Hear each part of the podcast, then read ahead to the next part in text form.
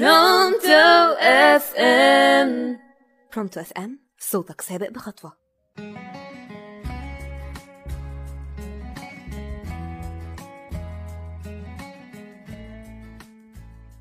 يا مساء الفل على كل اللي بيسمعونا دلوقتي على راديو Pronto FM. معاكم هاجر منصور وبرنامج قلم وأستيكة للأسف النهاردة آخر حلقة في موسم برنامج قلم وأستيكة عشان كده حبيت إن أنا أختم بصفة من أسوأ الصفات السلبية اللي ممكن نتكلم عنها لأن للأسف الصفة دي موجودة عند أغلب ومعظم الناس. حتى أنت شخصيا ممكن ما تكونش الصفة دي موجودة فيك ولا من طبعك بس هتلاقيك بتستخدمها أحيانا في مواقف معينة سواء كنت قاصد أو غصب عنك وهي صفة التنمر. أنت ممكن دلوقتي تقول أنا مش شخص متنمر ولا بحب أتنمر على حد بس هثبت لك العكس. صفة التنمر دي بتكون درجات. في ناس بتكون مش متنمرة بس ساعات بيعدي عليهم موقف غصب عنهم بيتنمروا فيه أو بيهزروا على حسب وجهة نظرهم. مثلا وأنت بتتنمر على أخوك يا الدغ يا متهته إيه كرشك ده؟ يا ابني ما تبطل أكل شوية. أو أنت لما بتتنمري على ابني إيه الدرجات دي؟ والله ما أنت فالح. هتفضل فاشل كده لحد إمتى؟ وتصرفات كتير جدا إحنا مش واخدين بالنا إنها تنمر. وده وارد لأن مفيش حد ما بيغلطش طول عمره ولا في حد perfect 100% لكن بقى بالنسبة للشخص اللي طول الوقت بيحاول يقنعك إنك عندك مشاكل في شكلك أو في شخصيتك أو حتى في حاجة أنت بتعملها اللي بيتلكك عشان يتنمر عليك.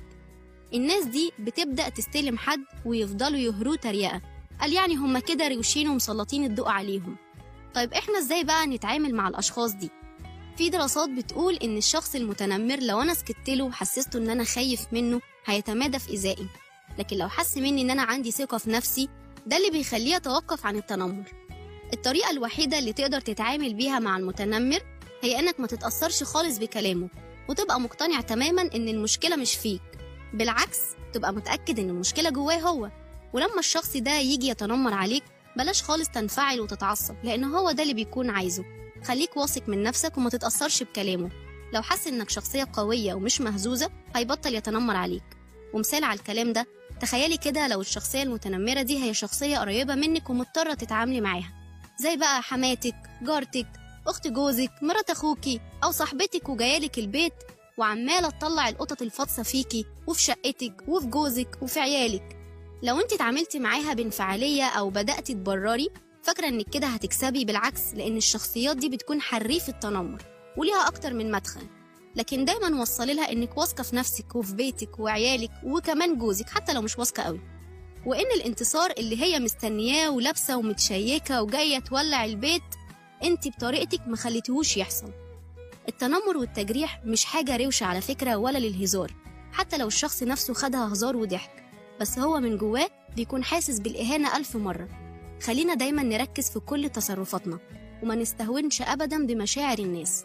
إحنا بنمشي وبننسى بس هما بتتكون جواهم تراكمات بتاكل فيهم. ومش بس التنمر على فكرة في صفات كتيرة ممكن تكون جوانا بس مش واخدين بالنا منها. انت مثلا لما الموبايل يفصل شحن بتجري تحطه على الشاحن أو لما حاجة مهمة بتبوظ بتجري تعمل لها صيانة.